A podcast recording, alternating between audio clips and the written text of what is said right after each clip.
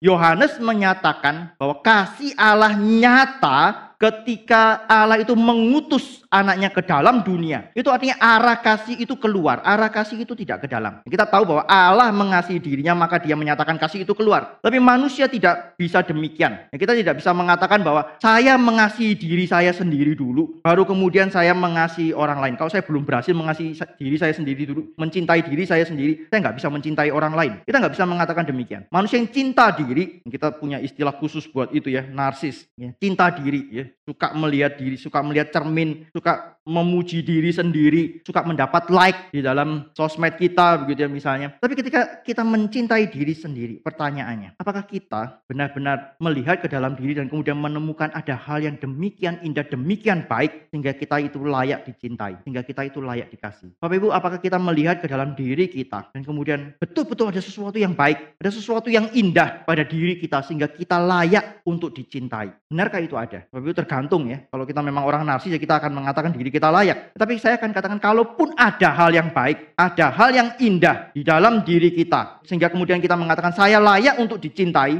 itu adalah karena Tuhan memberikannya ketika Dia menciptakan kita. Itu adalah tanda kutip sisa dari image of God, sisa dari gambar Allah. Ketika Tuhan menciptakan manusia, Tuhan menciptakan manusia dengan kemuliaan. Kemuliaannya adalah gambar Allah manusia itu bisa berelasi dengan Allah, mengenal Tuhan, bisa beribadah kepada Tuhan. Image of God. Tapi ketika jatuh di dalam dosa, image of God itu tetap ada meskipun sudah rusak. Nah, karena tetap ada ini, maka memang kita bisa melihat ada hal-hal yang masih ada kebaikan, ada keindahan di dalam diri manusia. Tetapi itu pun berasal dari Tuhan. Itu bukan berasal dari diri kita sendiri. Dan orang yang demikian, kalau dia mengenal Tuhan, dia membandingkan dirinya, dan kemudian dia mengenal Tuhan, maka orang itu harusnya lebih mencintai Tuhan daripada mencintai diri. Orang yang lebih mencintai diri daripada mencintai Tuhan, daripada mencintai orang lain, itu pasti bukan orang yang mengenal Tuhan. Kalau kita mengenal Tuhan di hadapan Tuhan, kita tahu siapa diri kita, tidak mungkin kita mencintai diri kita. Dari bagian ini saya mau mengajak Bapak Ibu untuk merenungkan ya, saya mau men-sharingkan perenungan saya berkenaan dengan perintah kedua ya. Ada dua perintah besar di dalam kitab suci. Kristus itu merangkumkan seluruh perjanjian lama, seluruh Taurat itu dalam dua perintah besar. Kasihilah Tuhan Allahmu dengan segenap hatimu, dengan segenap jiwamu,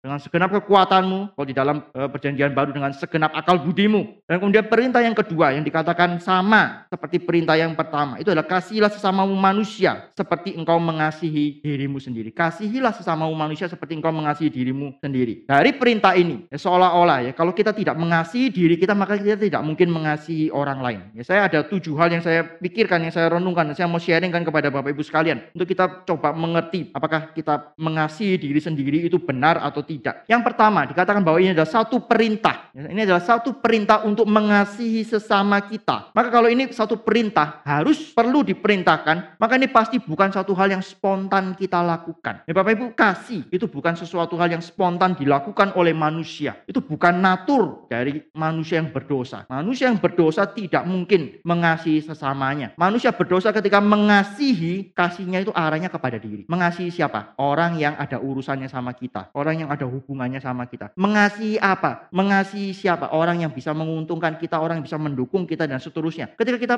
mau dekat dengan seseorang, kita mau mengasihi seseorang, kalau kita belum ditebus oleh Kristus, belum diperbarui oleh Tuhan, maka kasih kita itu sebenarnya adalah kasih yang ujungnya adalah diri kita sendiri. Ini adalah satu perintah itu artinya bukan satu hal yang spontan kita lakukan. Ini adalah satu hal yang harus diperintahkan, harus dilakukan dan kemudian ada standarnya. Standarnya adalah seperti mengasihi diri. Ini yang pertama. Yang kedua, seperti mengasihi diri. Ya, kalau kita mencintai diri kita, saya memikirkan, kalau saya mencintai diri saya, apa yang saya cintai dari diri saya? Apa yang saya cintai dari diri saya? Sehingga ketika saya melihat hal itu saya suka, saya mencintai diri saya, dan kemudian itu saya bisa jadikan standar untuk mencintai orang lain. Itu bisa saya jadikan standar untuk mengasihi orang lain. Bapak Ibu kalau kita sungguh-sungguh jujur di dalam diri kita, apa yang baik di dalam diri kita, sehingga kemudian kita bisa jadikan standar untuk kita mengasihi orang lain. Ada atau tidak? Renungkan, pikirkan hal ini. Yang ketiga, kalau kita sulit mengasihi orang lain, perintah ini mengatakan kasihilah sesamamu. Tapi kita sulit untuk mengasihi orang. Ada orang yang mudah akrab dengan orang lain, ya, orang sanguin, ketemu siapa pun, di mana pun, begitu ya bisa langsung berhai-hai. Ada orang yang tidak, gitu. Ada orang yang introvert yang tidak mau, yang tidak mudah untuk bergaul dengan orang lain. Saya tidak mengatakan bahwa itu tidak mencintai juga, begitu ya. Itu ekspresi yang berbeda. Tapi misalnya kita sulit untuk mengasihi orang lain, susah untuk ramah, ya. Saya tadi juga barusan uh, sore hari dapat telepon dari seorang jemaah di tempat ini yang kasih masukan buat GRII, kasih masukan buat GRI. Kira-kira masukan apa Bapak Ibu? Ya Bapak Ibu mungkin juga tahu gitu ya GRI kurang ya persekutuan kurang hangat dan lain sebagainya. Kemudian saya tanya, setelah orang itu kasih masukan, apa yang dilakukan oleh orang itu? Dia menyapa orang lain duluan kah? Biar mau kenal jemaat yang lain duluan atau dia cuma kasih masukan? Ini yang sering kali terjadi begitu ya. Kita mudah untuk kasih masukan kepada orang lain, tapi kita sulit kemudian untuk e, melakukan apa yang ya, menjadi masukan kita sendiri. Kalau kita sulit mengasihi orang lain, pertanyaan saya adalah apakah kita tidak melihat ada sesuatu yang baik pada diri orang lain? Kita bisa